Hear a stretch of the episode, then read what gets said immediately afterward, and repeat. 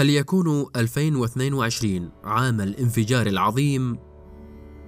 تختصر الحالة الأردنية على نحو أو آخر حالة الوطن العربي الذي يبدو أنه محتجز اليوم داخل طنجرة ضغط ولا يدري أحد متى تنفجر يجمل الكاتب الأردني الدكتور عبد الحكيم الحسبان في مقال لافت نشره في الموقع الإخباري المحلي جو 24 الحالة الأردنية المأزومة في جملة نقاط أوصلتها إلى مرحلة شبيهة بما يحصل للماء الموضوع على مرجل وغدا قريبا من مرحلة الغليان. يرصد الدكتور الحسبان أربعة من القرارات والإجراءات التي اتخذت في الأردن وأوصلته إلى حافة الهاوية. في تسعينيات القرن الماضي تشكلت المسارات الأربعة القاتلة التالية. دولة تقرر التخلي عن دورها في تخطيط الاقتصاد بل وإدارته والتحكم فيه. إلى نموذج الاقتصاد الذي يديره الأفراد ورجال الأعمال والشركات المحلية والعالمية.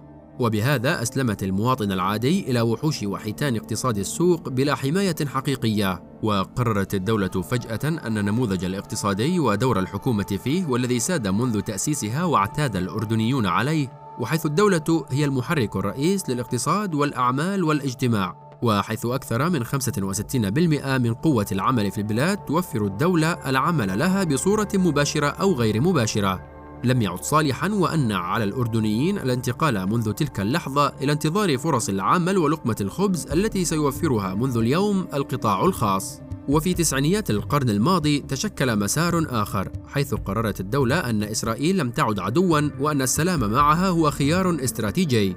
وأن السلام مع الكيان الصهيوني سوف يجلب الرفاهية والعيش الرغيد للأردنيين وأن السلام مع الكيان سوف يخلق شراكة بين الكيان المتقدم تكنولوجيا وتلك الجيوش من الشباب الأردني المتعلم ومن قوة العمل الأردنية.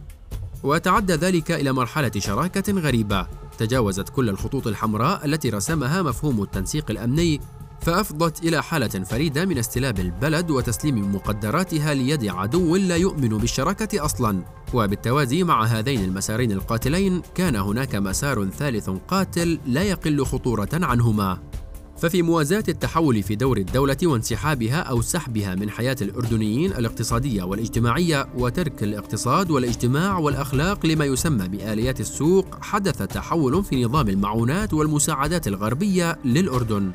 فبعد أن كانت المساعدات والمعونات تأتي للدولة حصريا وبما يكرس من قوتها وحضورها داخل حياة الأردنيين باتت المعونات والمساعدات تتجنب الدولة وأجهزتها فالمعونات لا ينبغي أن تذهب لكيانات دولتية بيروقراطية فاسدة. وأما الجهات التي تستحق المعونات فهي ما يسمى بمنظمات المجتمع المدني والجمعيات والمنظمات غير الحكومية. ليتشكل مع الوقت جيش من هذه المنظمات في الأردن كما في لبنان. وحيث تشير الإحصائيات مثلا إلى نجاح الغرب في تشكيل ما يزيد على الثلاثين ألف منظمة غير حكومية في لبنان هي بمثابة جيش محلي. داخل الجسد اللبناني صنع وأنتج غربيا. وأما المسار الخاطئ بل والقاتل الرابع الذي تم تدشينه بدءا من سنوات منتصف التسعينيات فيتعلق بالتعليم ودور الدولة تجاه المدرسة والجامعة. فبعد عقود طويلة من لعب دور القائد في حقل التعليم بمختلف مستوياته وحيث قامت الدولة بإنشاء آلاف المدارس وبتدريب وتأهيل عشرات آلاف الكوادر التدريسية.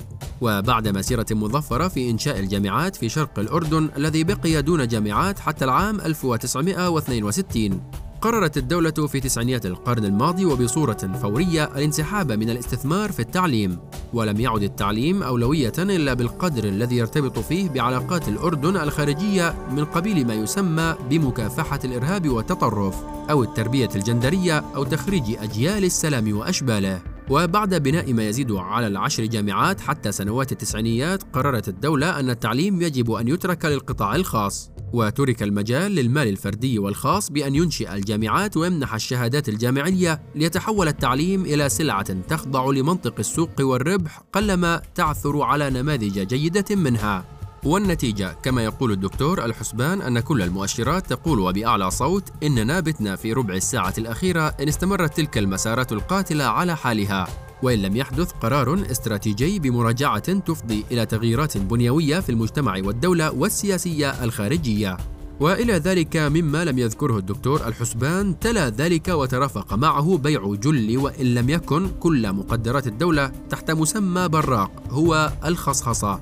وبدأ أن بضعة ممن يسمونهم رجال أعمال يحكمون ويرسمون في مصائر ورقاب الأردنيين وأصبحوا أقوى من الدولة نفسها. إن لم يكونوا أصلا شركاء في النفوذ والمصالح مع رموزها. وبالطبع ترافق كل هذا بنمو منظومة سياسية واجتماعية واقتصادية تدور كلها على مبدأ لا مبدأ حيث نخرت مؤسسات الدولة وبناها الاجتماعية فيروسات الفساد والإفساد والمحسوبية. ولا نقول النهب وسادت ثقافة المنسف بمعناها السياسي إنجاز التعبير. حيث تحول الوطن إلى سدر منسف والشاطر من يستطيع أن يستحوذ على أكبر قدر ممكن من محتويات هذا السدر دون نظر إلى أي قانون أو عرف. وفي الأثناء بدأت عملية انهيار متسارعة لعنصر الثقة أفقيا وعموديا بين الفرد والفرد وبين الفرد ومؤسسات الدولة. وحتى بين مؤسسات الدولة نفسها فتآكلت هيبة الدولة واستفحلت المشكلات الناتجة عن انهيار الاقتصاد وعبثية السياسات الحكومية وتحولها إلى جهة همها جباية كل ما تقدر عليه من جيوب الناس. وبعد تعاظم غول المديونية وسيطرة صفقة إدارة الأمور بالقطعة ودون سياسات مدروسة بدأنا نشهد التصدعات المخيفة والانهيارات في بنى المجتمع. حتى بتنا ننتظر لحظة الحقيقة أو الانفجار العظيم.